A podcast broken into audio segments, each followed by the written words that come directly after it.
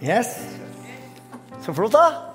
Herre, vi takker for at det er sant, det, du, det vi sang der, at du er vårt skjold, du er vår styrke. Du er, du er alt det som sto der, Herre. Du er vår tilflukt, og så er du til stede i livet vårt når vi roper til deg i vår nød. La oss alle få lov til å kjenne det i dag. Og så takker vi deg for ditt ord som vi skal dele med hverandre. Takk at du er til stede, Herre, når vi forkynner ditt ord. Du åpner det ordet, og så gir det liv og lys.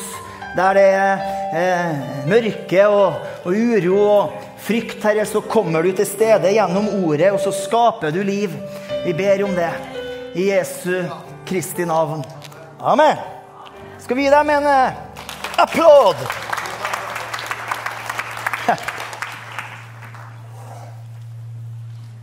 Det rumler. Ja, i dag har vi lagt lista høyt.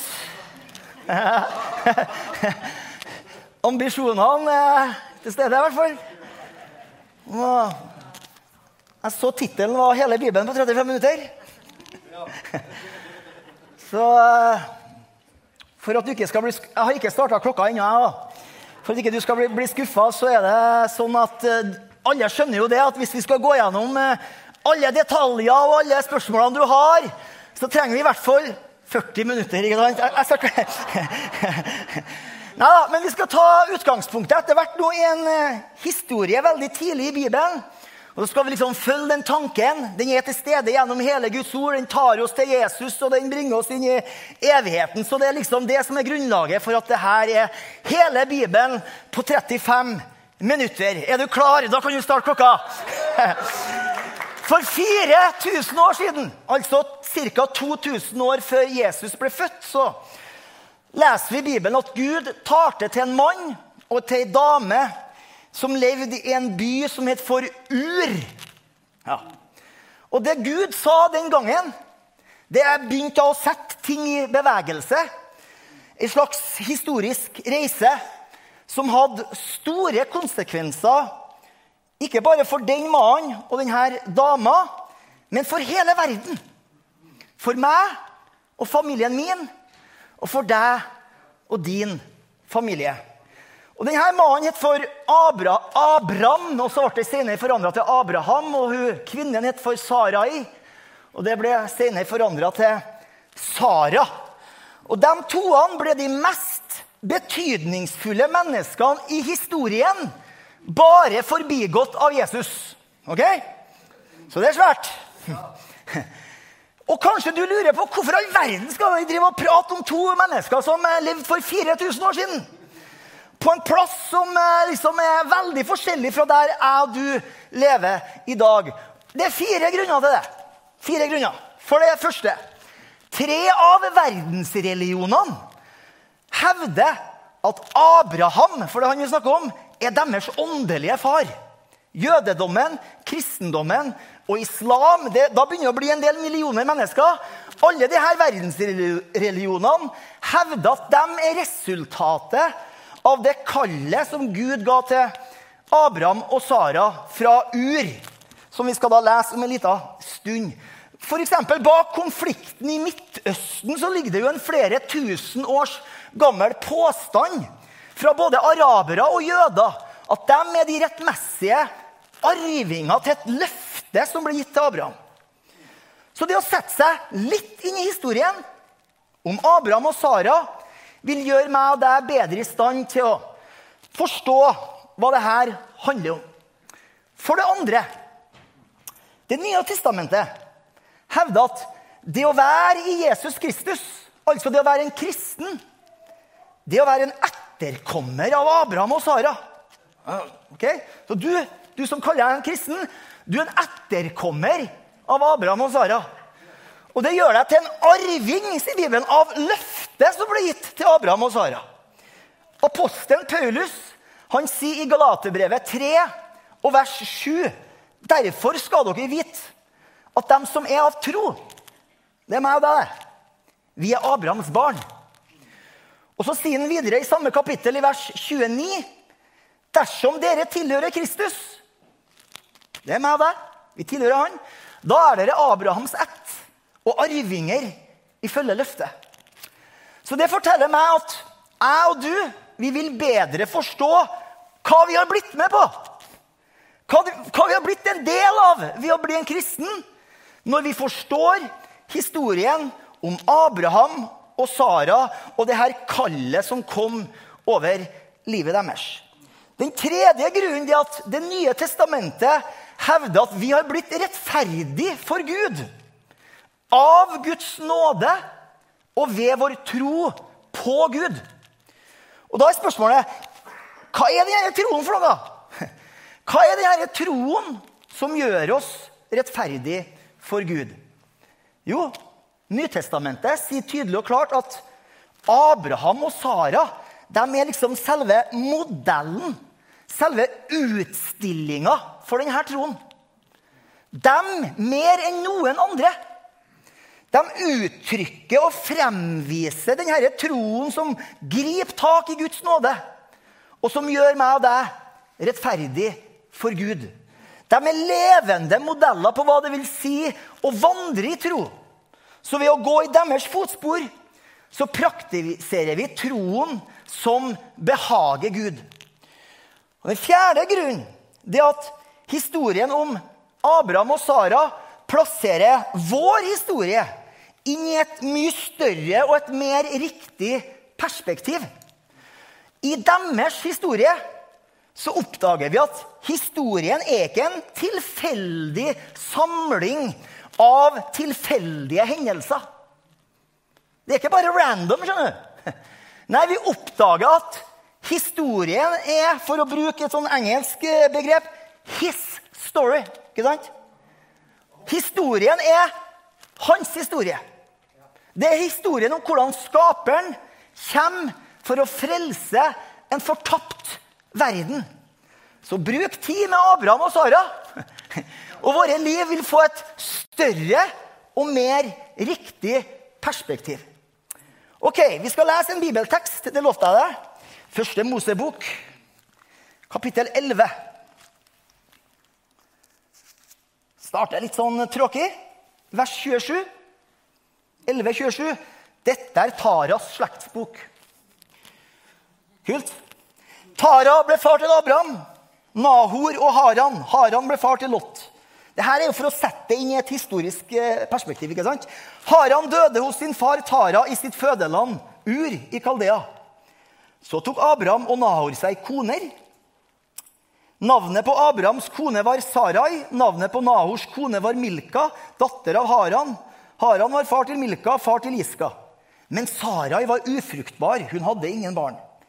Tara tok sin sønn Abraham og sin sønnesønn Lot, Harans sønn og sin svigerdatter Sarai, sin sønn Abrahams kone. Og Så dro de ut fra Ur i Kaldea for å reise til Kanans land. De kom til Haran og bosatte seg der. Taras dager ble 205 år, og Tara døde i Haran. Og Så kommer det i kapittel 12. Herren hadde sagt til Abraham.: Dra ut fra ditt land, fra din slekt og fra din fars hus, til det landet jeg skal vise deg. Jeg skal gjøre deg til et stort folk. Jeg skal velsigne deg og gjøre ditt navn stort. Og du skal bli en velsignelse. Jeg skal velsigne dem som velsigner deg, og jeg skal forbanne den som forbanner deg. Og i deg skal alle slekter på jorda bli velsigna. Så dro Abraham av sted, slik Herren hadde sagt til ham. Og Lot gikk med ham. Abraham var 75 år gammel da han dro ut fra Haran. Slik lyder Herrens ord. Det var litt sånn høykirkelig. Det. Eh, for jeg, det er ikke så mye annet med meg som er høykirkelig. det er bra. Ok. Spørsmålet er hvem er de her folkene? Abraham og Sara. Hva vet vi om dem og deres kontekst?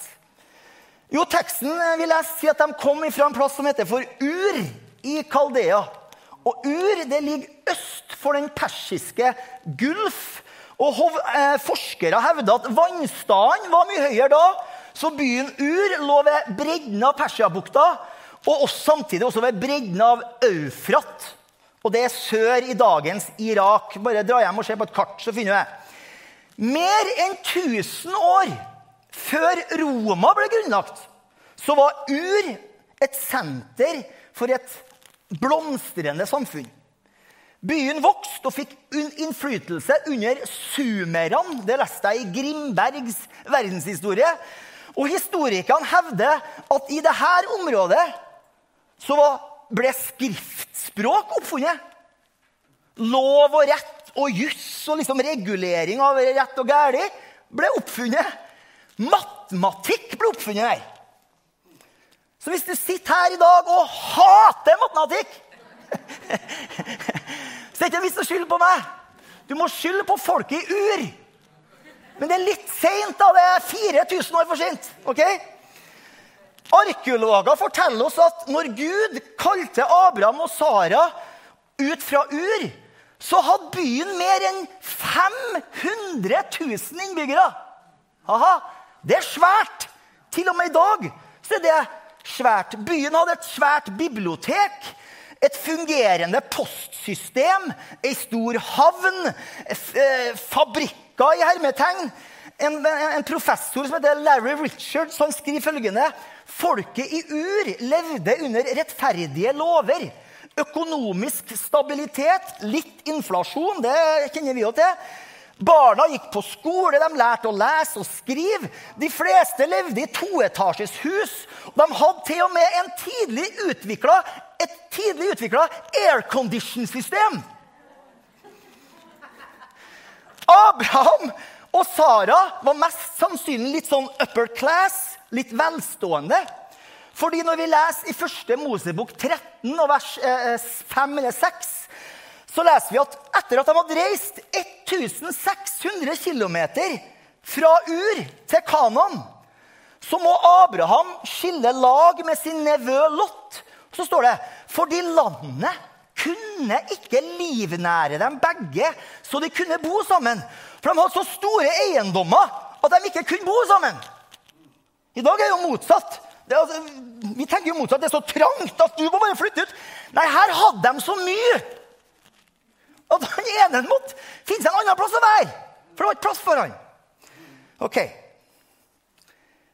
Forskerne er ikke sikre på om Abraham var en hyrde, eller om han var en handelsmann som solgte og kjøpte dyr. Men uansett Sara og Abraham var velstående, de var utdanna, siviliserte folk, litt som meg og deg. De var ikke buskmenn som bodde i hula og, og åt gråstein. Som vi ofte kan tenke ja, det her er så lenge siden. Liksom.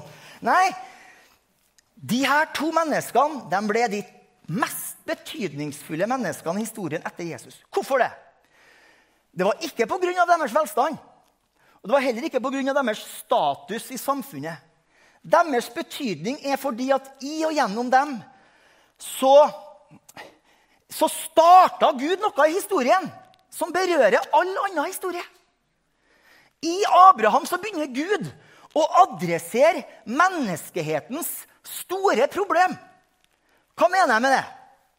Jo, da må vi se på det her kallet som kom til Abraham og Sara i en litt sånn bibelsk kontekst. Abrahams kall, det vi leste i første Mosebok 12, det her er dypt, kommer rett etter kapittel 11. 11, 12 kommer etter 11, ikke sant? De, det kommer rett etter de 11 første kapitlene i Bibelen. Det er den, den delen av Bibelen vi kaller urhistorien. Urhistorien. Og I kapittel 1-11 så, så slåss liksom forfatteren med flere av livets store spørsmål. Livets opprinnelse og hensikt. Menneskets opprinnelse og hensikt. Ondskapens opphav. Opphavet og forholdet mellom nasjoner. Svære ting. Og Kapittel 1-11 inneholder ulike historier. Og disse historiene følger et bestemt mønster, en bestemt syklus. Og den er som følgende Nå må du henge med. Nåde. Opprør. Dom og ny nåde. Gud kommer i nåde. Menneskeheten gjør opprør på en eller annen måte. Dom kommer akkurat sånn som Gud har forutsagt. Og så kommer Gud med ny nåde. Du har det i historien om Adam og Eva. Det går som et mønster gjennom alle de kapitlene. Adam og Eva, Gud i sin nåde tilbør de første menneskene alt det de trenger. for å være fullt ut menneske og fullt ut levende. Men de gjør opprør. De er mistenksomme. De tror at Gud holder noe tilbake. Så de liksom bryter ut på egen hånd og lever, ønsker å leve et uavhengig liv uten Gud. Dom kommer! Akkurat som Gud har gitt advarsel om. Og alt bare på en måte ramler ifra hverandre. De mister det. Paradiset forsvinner, hagen blir til en kirkegård. Så til, men så kommer Gud og tilbyr ny nåde. Adam og Eva dør ikke. I sin nåde klær Gud dem i sin rettferdighet. Så det er nåde, opprør, dom og ny nåde. Og Det samme mønsteret finner vi i historien om Kain og Abel. Det samme finner vi i historien om Noah. Nåde, opprør, dom, ny nåde. Og Paulus han er inne på noe av det samme i Romerbrevet 5, vers 20. Der sier han at der synden ble stor, ble nåden enda større. Ideen der er at der synden på en måte har tatt overhånd og har liksom kommet ut av kontroll, der trengs Guds nåde å komme på en enda sterkere måte. Og den gjør det. De her historiene i urhistorien bekrefter at det er akkurat det som skjer. Og Så kommer vi til klimakset i de elleve første kapitlene. Det er historien om Babels tårn. Det synes jeg var kult når jeg var guttungen og leste om det her.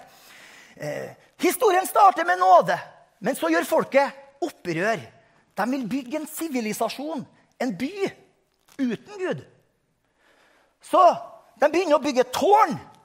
Et symbol på deres uavhengighet av Gud. Hvem er det som trenger Gud? Vi kan jo sjøl bygge et tårn til himmelen. Og igjen så responderer Gud med dom, akkurat som han har advart om. Han forvirrer språket, og så setter han en stopper for deres forsøk på å bygge skal vi si, en menneskesentrert sivilisasjon uten Gud. Så i den historien har vi nåde, opprør, dom og så ingenting. Nåde, opprør, dom. Og så liksom slutter det der. Det kommer liksom ingen ny nåde. Menneskeheten er spredt over jorda i krig og oppløsning. De krangler om grenser, de slåss om naturressurser. Nåde, opprør, dom. Og så er det slutt. Og vi kanskje begynner å tenke har Gud gitt oss opp? Og så kommer vi til første Mosebok 12. Okay? Og det vi umiddelbart legger merke til når vi kommer til første Mosebok 12, det er at perspektivet forandres. Fra de disse svære, globale, eh, universelle spørsmålene til at liksom kameralinsa zoomer inn på én mann og én kvinne. I én spesiell by Abraham og Sara. Og hva er det som skjer der? Jo, du skjønner, syklusen i de elleve første kapitlene slutter ikke. Kallet til Abraham i Ur i Kaldea, det er Guds nye nåde til menneskeheten. Og Forfatteren av kapittel 12 i første Mosebok forteller oss at Guds berøring av Abraham det er Guds måte å adressere menneskehetens store problem. Historien om Babels tårn forteller oss at mennesker, alle byer, nasjoner, de var under Guds dom. Historien om Abraham og Sara forteller oss at dom er ikke slutten. Det finnes ny nåde. Det finnes ny nåde.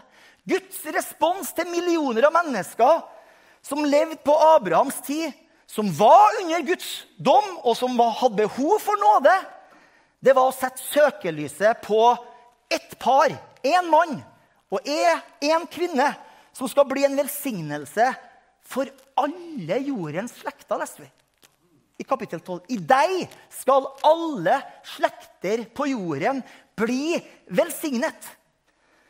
Det er derfor Abraham og Sara er de to mest betydningsfulle menneskene i historien, unntatt Jesus. Ikke pga. deres velstand og status, men pga. at Gud han utvalgte dem til å være bærere og opphavet til Guds nye nåde til alle mennesker som var under dom. Henger vi med så langt? Ja, det er bra. Det er bra. Da er vi på. På grunn av det der så er det jo litt viktig at vi forstår det her kallet som vi leser om i første Mosebok 12. I den teksten Vi kan dele den opp i to. I den teksten så leser vi hva Gud skal gjøre. Og så leser vi hva Gud forventer at Abraham og Sara skal gjøre.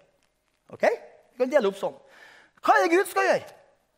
Jo, i de versene der, i kapittel 12, så finner vi en serie av 'jeg skal'. Jeg skal gjøre deg til et stort folk. Jeg skal velsigne deg. Jeg skal gjøre ditt navn stort. Jeg skal velsigne dem som velsigner deg, og jeg skal forbanne dem som forbanner deg. Det er ingen overdrivelse å si at resten av Bibelen, fra, altså fra det punktet og resten av Bibelen, handler om hvordan dette løftet til Abraham blir bretta ut for oss.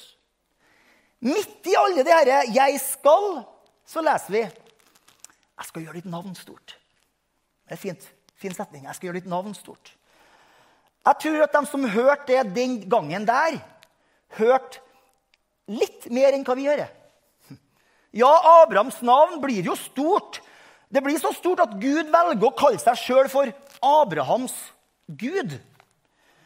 Men jeg tror vi finner hovedpoenget med det her, at han skal gjøre ditt navn stort en annen plass. Jeg tror vi finner det rett før i historien om Babels tårn.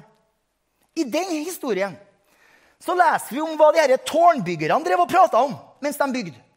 I vers 4 i kapittel 11 så står det Så sa de De var prata sammen. Så sa de, Kom, la oss bygge oss en by og et tårn som rekker helt opp til himmelen.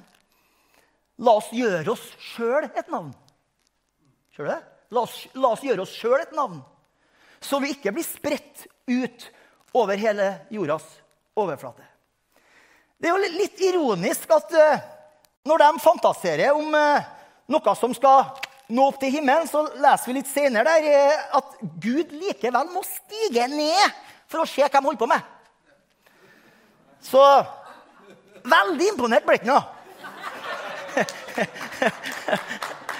så, så ikke glem hva historien handler om. Den handler om en opprørsk menneskehet som søker å bygge en by, en sivilisasjon uten Gud. La oss gjøre oss sjøl et navn. Det er jo en måte å si, å si la oss bygge et perfekt samfunn sjøl uten Guds innblanding. Og Det er en kjent historiker. Han heter for Louis Mumford. Han er, det han er mest kjent for, er sin, er sin studie av byer og urban arkitektur. Han sier det at det å bygge byer, det er å prøve å bringe himmelen til jord. Så kommer Gud til Abraham og så sier han, 'Jeg skal gjøre ditt navn stort'. Det Gud sier til Abraham, det er jo akkurat det som denne opprørske menneskeheten prøver å oppnå på egen hånd. Gud sier, 'Det skal jeg gjøre'. Jeg skal gjøre ditt navn stort. Og det er bare jeg som kan gjøre det. Du vet, For majoriteten av mennesker så ligger det et sterkt håp om at menneskene en dag skal klare å bygge byen, bygge samfunnet. Men det funker ikke. Vi fikser ikke det. Jeg vil gjøre ditt navn stort. Jeg vil bygge byen. Jeg skal bygge samfunnet. Det som du lengter etter, men som du sjøl ikke klarer å oppnå, det skal jeg gjøre, sier Gud. I første Mosebok 11, vers 30 så leser vi Men Sarai var ufruktbar.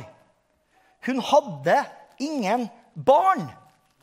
Når jeg leser den teksten, så er det som om dette verset ikke bare refererer til ett menneske som ikke kunne få barn.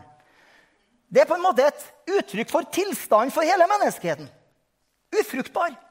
Vi kan ikke gjøre det som kreves for å gjøre oss sjøl et navn. Det er bare Gud som kan det. Jeg skal gjøre ditt navn stort. Jeg skal fikse en skakkjørt verden. Jeg skal bygge byen som du lengter etter. Og Det er tydelig at forfatteren av hebreerbrevet han fanger opp denne koblinga når han sier i Hebrebrevet 11, og det er fra vers 8, 9 og 10, så sier han ved tro var Abraham lydig da han ble kalt til å dra ut til det stedet han skulle få som arv. Og han dro uten å vite hvor han kom. Han bodde som fremmed i løfteslandet. Og så står det i vers 10 han ventet, for han ventet på byen. Den som har grunnvollen. Den by som har Gud til bygningsmann, og skaper. Jeg vil velsigne deg, sa Gud. Jeg vil gjøre ditt navn stort. Når dette løftet blir liksom pakka ut for oss i de kapitlene som kommer etter kapittel 12, så finner vi, finner vi ut hvordan Gud har tenkt å gjøre det her. Nå må du holde deg fast. Vi finner ut at gjennom Abraham og Sara så starta Gud en ny linje, en ny blodslinje, en, en ny linje i historien. For Abraham og den ufruktbare Sara så skulle det komme mange etterkommere, sa Gud. Og så, når det her pakkes ut enda mer gjennom Bibelen, så er det sånn at alle de herre 'jeg skal', som han lovte, er fokusert på en bestemt ett. I entall. OK? Du som er bibelsprengt, du vet det. Og det blir tydelig for oss at etter hvert så skjønner vi at det her handler om, det handler om en jødisk gutt. Og det kommer fram at gjennom denne ætten i entall så skal Gud velsigne hele verden. Mm. Det er hovedgrunnen til at folk i Gamletestamentet så sterkt ønska seg en sønn. Det er ikke fordi gutta er bedre enn jenta. Nei, nei, nei, nei. Det er fordi at den gutten da kanskje var den herre Abrahams sønn som løftene skulle oppfylles gjennom. Og alle ønska jo å bli mor til den. Eh, og så går det 2000 år med historie gjennom hele Gamletestamentet, hvor Gud flere ganger gjør enda tydeligere ved ulike profeter at det her det skal komme. Det, det skal gå i oppfyllelse. Altså, det kommer mer kjøtt på beina etter hvert. da. Derfor så lå det en enorm lengsel og et veldig sterkt håp om at det her, det her skal skje. Vi kaller det for Messias-forventninger. Og så, når Cæsar Augustus regjerte i verden, det har du lest om i juleevangeliet, så ble det en, født en gutt av en jomfru i en stall i Betlehem. Vi tror på det, vet du. Det, det er juleevangeliet, det. Og så går jo tida, og Jesus drar til himmelen, og Nytestamentet blir skrevet. Og tenk på spenninga og begeistringa i folket som etter hvert åpner Det nye testamentet. Og så leser de følgende i det aller første verset. Hva står det der? Matteus 1,1. Boken med Jesu Kristi slektstavle. Davids sønn Abrahams sønn. Hæ? Kult. Kan det være sant, liksom? At etter 2000 år så har denne ætten i entall endelig kommet?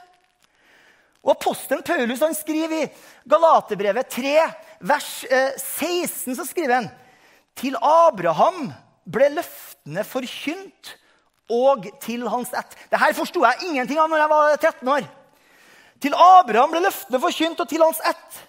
Han sier ikke 'og til etter' i flertall, men som til én. Til din ett, som er Kristus. Så her gjør jo da Paulus et poeng av at det er ett i, i, i entall.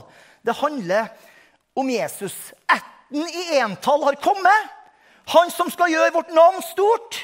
Han som skal oppfylle alle de her løftene. Det er derfor vi kan si at det kallet som kom til Abraham for 4000 år siden, det adresserer menneskehetens store problem. Amen. For det, Jesus kom, vet du.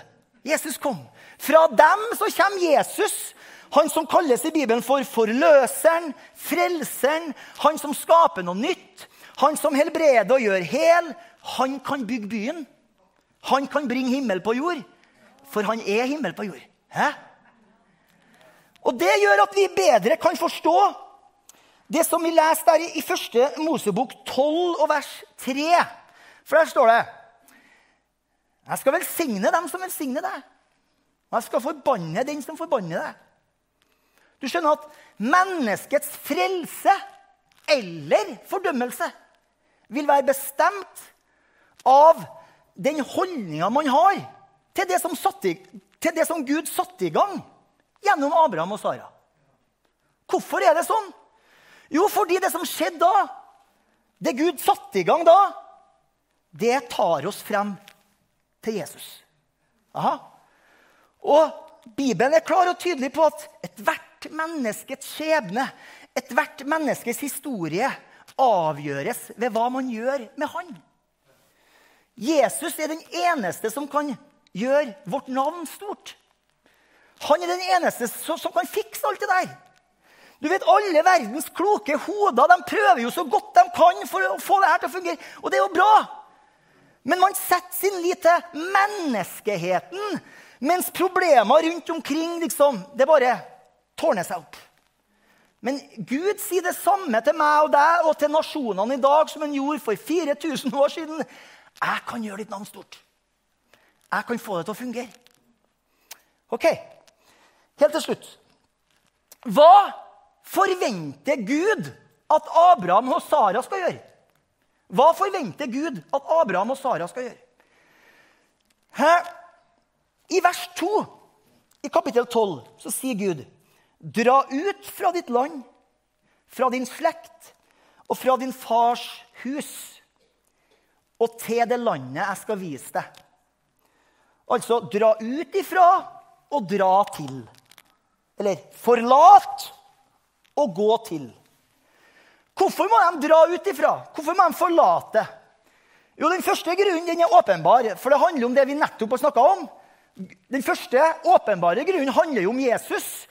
Abraham og Sara må dra ut for at, for at det i det hele tatt kan bli et evangelium. Ok? Det er første grunnen.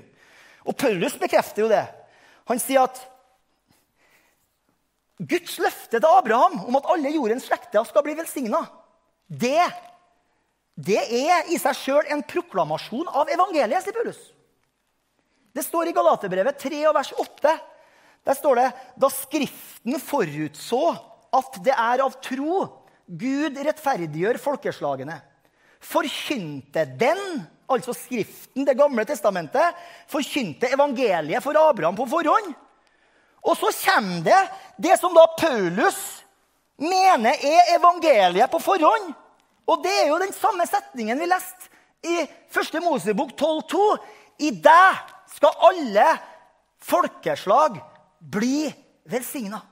Så det er den første årsaken til at de måtte dra ut fra Ur.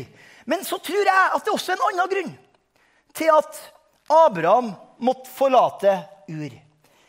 Eh, jeg tror at det handler om at han måtte, han måtte fri seg, eller han måtte bli fri fra det vi kan kalle for den ugudelige kulturen. Ur vet vi var en politistisk by. Altså, de, tilba mer enn 300 guder der.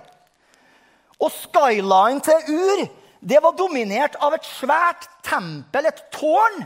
Eh, det kalles for en sigurat. Dette har arkeologene funnet. Og på toppen av det tempelet så var det et blått og sølvfarga lite tempel. Og det var innvidd til en gud som het for Nanar. Eller Nanar. Det var måneguden som de aller fleste prestene i Ur tilba. Og Tilbedelsesritualene i Ur det, det var dominert av magi, og det var, det var stjernetydning, det var prostitusjon. Så, så, tenk på følgende Hvordan kunne Abraham få en ny visjon av virkeligheten? Hvor Gud, den levende Gud skulle være i sentrum, omgitt av alt det der. Det er vanskelig. Det kjenner vi jo på. ikke sant? Han måtte settes fri.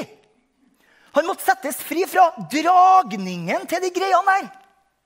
En kultur som var skadelig og ødeleggende for det nye som Gud satte i gang. Så Abraham og Sara de måtte forlate, de måtte dra ut fra det stedet for å få en ny visjon. Og det trenger alle vi som er berørt av Gud. Vi må også settes fri fra den dominerende kulturen. Vi må forlate. Ikke først og fremst geografisk, men med hodet og med hjertet. Med intellektet og med og det åndelige. Du vet, Apostelen Paulus han skriver jo om det her i Romerbrevet 12, vers 2. Så sier han, bli ikke dannet lik denne verden. Bli forvandlet ved fornyelsen av deres sinn. Altså, Hvis vi skal oppleve velsignelsen og bli en velsignelse, hvis vi fullt ut skal nyte den nye virkeligheten, som Gud har sørga for av sin store nåde, så må vi forlate hva skal vi kalle det, mytene, eh, ideologien, prioriteringene som preger et samfunn som holder på å kollapse. Dra ut fra ditt land, sånn. Altså, Nasjonale verdier og prioriteringer har ikke det siste ordet. Det har et ord, for all del. Vi, vi, vi følger koronaregler, altså, men det har ikke det siste ordet.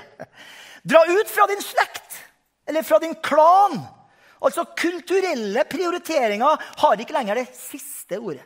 Dra ut fra din fars hus. Til og med familiære verdier og prioriteringer har ikke lenger det siste ordet. Dra ut ifra ikke først og fremst geografisk, men med hodet og med hjertet. Intellektuelt og åndelig. Og det er jo vanskelig. Vi kjenner jo på det. Det er mye enklere å forlate geografisk enn å forlate med Altså det er verre med hodet og hjertet. Dragningen fra kulturen rundt oss den er jo veldig sterk. Og hvor skal man dra hen, da? for å, for å komme seg unna det her. Vi er jo i ei tid hvor liksom vi opplever det vi kaller for en, en enverdenkultur. Blant annet pga. sosiale medier så har jo verden blitt veldig mye mindre. Sånn at de samme verdiene og prioriteringene preger en mye større del av verden enn før. Og så kommer vi liksom drassende med en gammel bibel. Det blir ikke enkelt. Men budskapet, det gjelder fortsatt. Dra ut ifra og forlat og gå til det landet som jeg skal vise deg. Det er jo helt crazy. Dra fra det kjente til det ukjente, fra det vanlige til det uvanlige, fra det sikre til det usikre. Du skjønner, Det er det samme kallet som er over mitt og ditt liv i dag. Jesus, han som i Bibelen kalles Abrahams sønn, han møter oss midt i den kulturen vi lever i. Og så sier han, 'Kom og følg meg', sier han. Kanskje du tenker, 'Hvor skal vi hen', da? Bare følg meg. Hva kommer til å skje på veien? Ja, mye. Men bare følg meg. Blir det langt å gå? Bare følg meg. Men jeg ser ikke hvor vi skal hen. Ja, men det gjør jeg. Jeg er Evin. Bare følg meg. Du skjønner at det er, det, det er i det å følge Han at vi opplever velsignelsen. Ikke ved å forbli. Det, det, det, er i det å følge Han at vi blir en velsignelse. Ikke ved å forbli. Jeg har sagt det til ungdommene. Det er ikke det enkleste livet. Det er det beste livet. Og Det er jo det vi sikter på. ikke sant? Vi sikter mot det beste livet. Hvor vi blir et folk med en annen visjon av livet. Et folk med en annen agenda enn det som preger kulturen rundt oss. Et folk som er i verden. Så det handler ikke om geografi. Vi skal være her. Men vi er ikke av verden, sier Bibelen. Altså, det er ved å være annerledes at vi blir en velsignelse for verden. Jeg opplever at historien om Abraham og Sara det holder meg og deg, oss, i balanse. Historien forteller oss at Gud han adresserer menneskehetens store problem, og planen den er nesten fullført. Det mest kritiske har allerede skjedd. Et nedtall Jesus. Han har kommet. Han er her. Og pga. Jesu liv, død, begravelse og oppstandelse, så kan alle jordas slekter, alle mennesker, alle, alle som er her i dag, kan bli velsigna. Det vi venter på, det som ennå ikke har skjedd, det er denne byen. Denne byen han snakker om, som vi venter på. Du skjønner, Jesus skal komme tilbake. Og Det som starta med språkforvirring i historien om Babels tårn, hvor menneskene ble spredt omkring. Det skal en dag, sier den siste boka i Bibelen, ende opp foran Guds trone. Hvor folk skal synge en ny sang, står det. Et folk fra hver stamme, tungemål, folk og folkeslag. Det blir flott. Men i mellomtida For vi er ikke der ennå. I mellomtida så strekker Gud seg fortsatt ned og ut. Og han inviterer folk til å bli med på ei reise som leder til velsignelse. Og Vår del er da å gi respons ved å følge etter han. Dra bort ifra og til det landet som han skal vise oss. Og når vi gir respons, så vil vi sannsynligvis ikke fullt og helt forstå hva det her innebærer. Det blir noen overraskelser på veien. Tenk moder Teresa når hun sa ja til å bli ei nonne. Hun visste ikke da hva hun kom til å bety for millioner av mennesker. Hun visste ikke at hun kom til å stå foran statsledere og holde dem ansvarlig for nød og lidelse i denne verden. Så du skjønner, Vi vet ikke fullt og helt hva som vil skje når vi gir respons. Når vi drar bort ifra og følger Han. Det valget som Sara og Abraham tok, det fikk konsekvenser for hele verden. Nåde, opprør, dom og ny nåde. Kom og følg meg, sa Jesus. Jeg skal velsigne deg, og du skal bli en velsignelse. Skal vi be sammen? Kanskje du sitter her, og du kanskje aldri har åpna Bibelen din før. Og tenker Hva var det som traff meg? Eller du ser på YouTube i dag, og du skjønner ikke alt. Men du har skjønt at Gud han har satt noe i gang som du gjerne vil være en del av. Da er det sånn at Gud han kommer alltid med ny nåde. Også i dag gjør han det. Uavhengig av om du har gjort opprør, eller det at du har venta så lenge før du tok det første skrittet. Det skrittet kan du ta her og nå ved å be, be ei enkel bønn etter meg. Kan du bare gjenta det jeg sier nå? Himmelske Far, jeg kommer til deg. Takk at du tar imot meg. Jeg åpner mitt hjerte, og jeg ber om at Jesus skal komme inn som min Herre og Frelser. Takk at jeg er din og du er min. Amen. Vi pleier, eh, etter vi har bedt en sånn bønn, å si at det er tre gode tips, tre gode råd, som vi ønsker å gi deg. Og det er sånn at Hvis du ba denne bønna for aller, aller første gang, så er det smart å si det til noen. Liksom Du, jeg ba denne bønna i dag, og ja, skjønte ikke helt hva det var, men det var noe godt. Si det til noen for det vil hjelpe deg. Og det andre er skaff deg en bibel og les litt i Bibelen. Begynn gjerne i Det nye testamentet. Litt enklere å henge med på det enn alle disse Sara og Abraham. og alt Det her. Det var litt kanonspråk, kanskje. Og For det tredje, finn deg ei kirke. Vi ønsker å være et fellesskap som er åpen for alle mennesker. Her i Betel er du alltid hjertelig velkommen. Gud velsigne deg.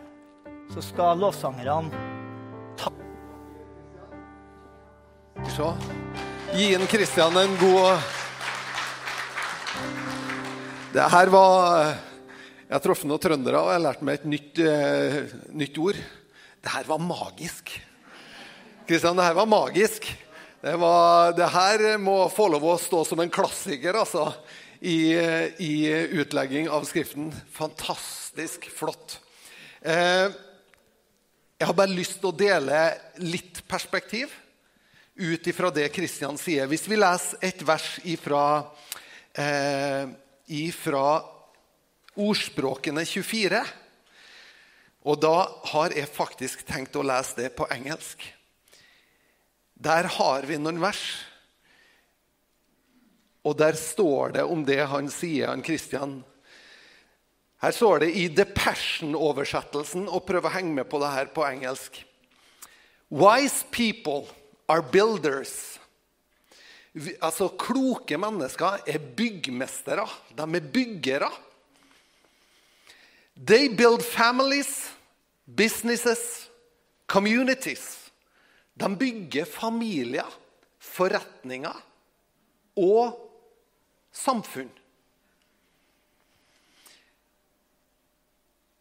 And through intelligent and insight Their enterprises are established and endure. Men gjennom intelligens og innsikt så blir forretninga etablert og vedvare. Because of their skilled leadership, the hearts of people are filled with treasures of wisdom. Og på grunn av godt lederskap, lederegenskaper, så blir hjerter og mennesker fylt med visdommens skatter. And the pleasure of spiritual wealth. Og nytelsen av åndelig rikdom. Dette er noe bibelske perspektiv. Og så tenker, Hvis vi tenker i vår tid Babels tårn, der ville de bygge en by. Tenk i vår tid. Er vi der? Tenk på Elon Musk. Han vil ikke bygge et tårn opp til himmelen. Han vil bygge en by i himmelen. Vi er der fremdeles. Vi ønsker å bygge oss noe der Gud ikke er inkludert. Det er en kjempeutfordring for oss fremdeles. I dag så har vi noen iblant oss som jeg kjenner godt, og dere ikke kjenner. Jan Tore Tornes og Beate Tornes er her. Hvis de vinker nå, så eh, Eli Joy og Edvard har kommet til byen. Eli Joy er her. Og vi er så glad Eli Joy, for at dere er her nå. Supert. Jan Tore, nå har ikke jeg spurt om det her på forhånd, men kan ikke du komme opp hit?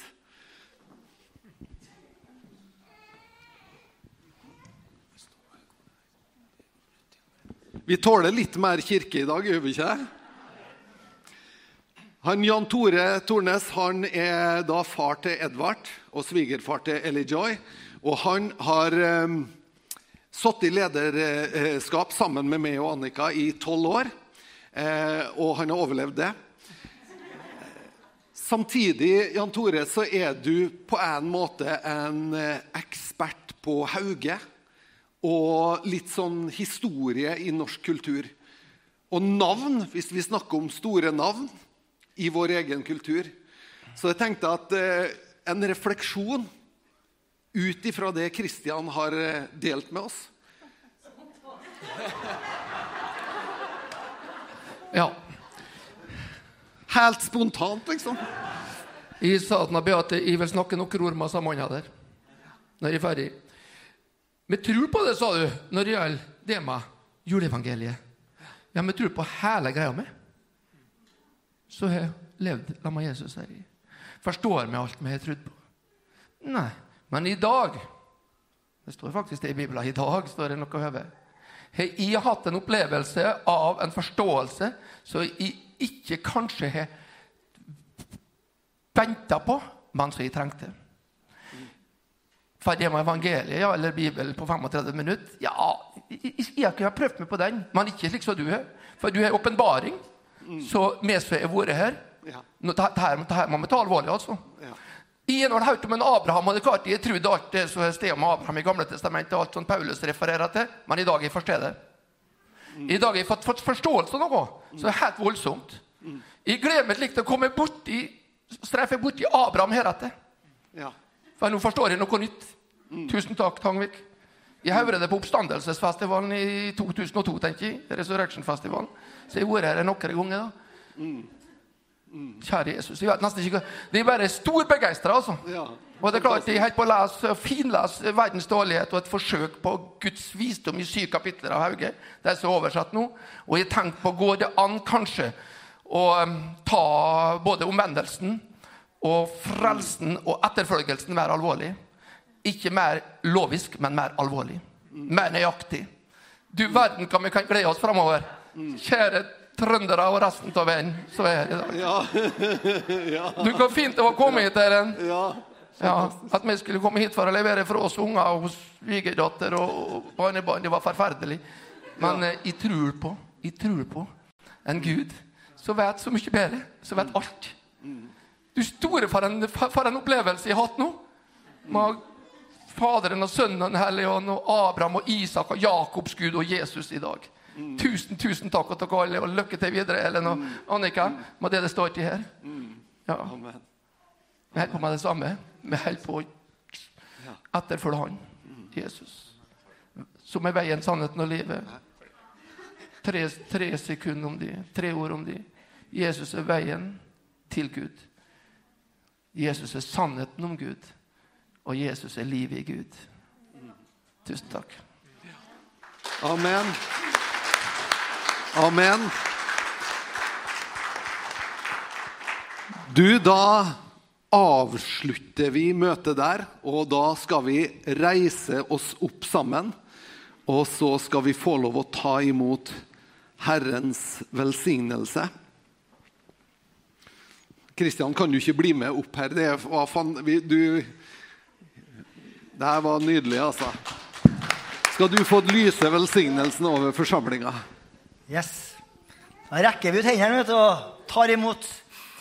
Eh, Herren velsigne deg og bevare deg. Herren la sitt ansikt lyse over deg og være deg nådig. Herren løfte sitt åsyn på deg og gi deg fred. Amen.